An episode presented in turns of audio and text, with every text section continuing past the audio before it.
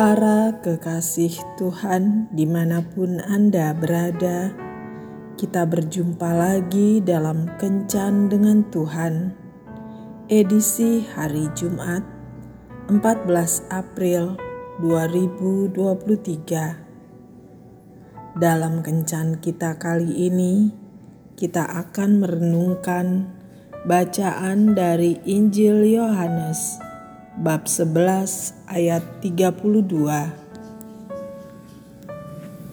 Setibanya Maria di tempat Yesus berada dan melihat dia, tersungkurlah ia di depan kakinya dan berkata kepadanya, "Tuhan, seandainya Engkau ada di sini, saudaraku pasti tidak mati."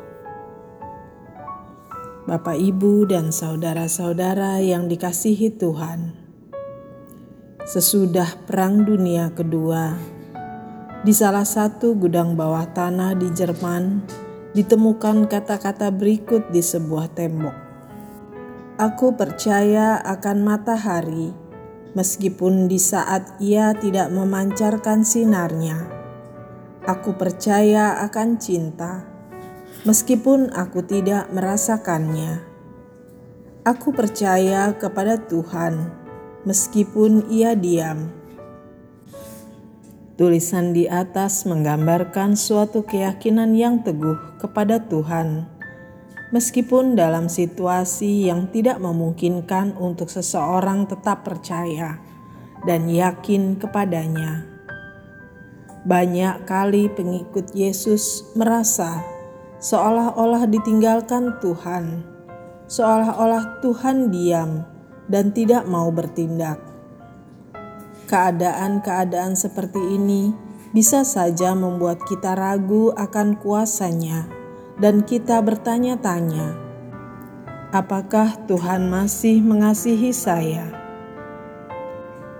Namun, itulah yang dialami Maria dan adiknya Marta mereka kehilangan adik laki-laki mereka, yaitu Lazarus, yang mungkin saja menjadi tulang punggung bagi keluarga tersebut. Sebelumnya, Maria dan Marta sudah mengirim pesan kepada Yesus bahwa Lazarus sakit keras, tetapi Yesus sengaja menunda datang ke Betania. Apakah Maria dan Marta kecewa atas penundaan Yesus untuk datang ke Betania? Padahal mereka mempunyai hubungan yang cukup dekat dengan Yesus. Apakah Maria dan Marta jadi tawar hati dan tidak percaya lagi akan kuasa Yesus hanya karena Yesus seolah tidak mempedulikan mereka? Sama sekali tidak. Setelah empat hari Lazarus dikubur, Yesus datang ke Betania. Kedatangannya disambut Maria dengan kata-kata, "Tuhan, sekiranya Engkau ada di sini, saudaraku pasti tidak mati." Kata-kata yang menyiratkan penyesalan atas ketidakhadiran Yesus, namun sekaligus merupakan pengakuan akan imannya. Maria dan juga saudaranya Marta sangat yakin akan kuasa Yesus yang bisa mengerjakan perkara-perkara ajaib di luar jangkauan akal manusia, termasuk menyembuhkan Lazarus, saudara mereka. Perhatikanlah apa yang Alkitab tuliskan tentang ketiga bersaudara, yaitu Maria, Marta, dan Lazarus. Mereka adalah orang-orang yang dikasihi Yesus.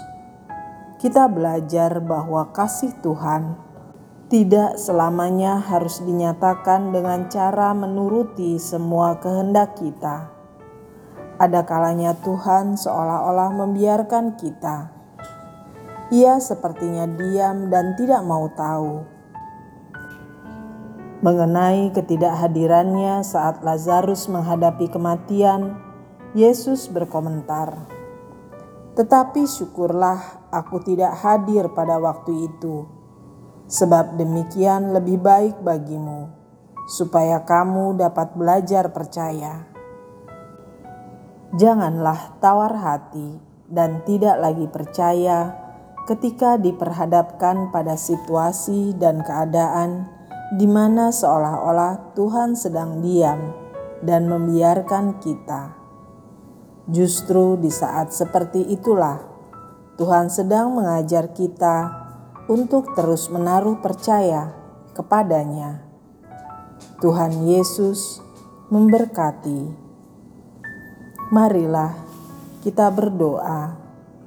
Tuhan Yesus, ampuni aku jika aku sering kali merasa ditinggalkan dan dilupakan olehmu. Aku bersyukur untuk firman-Mu yang mengingatkan aku bahwa Engkau punya maksud-maksud tertentu ketika Engkau diam. Amin.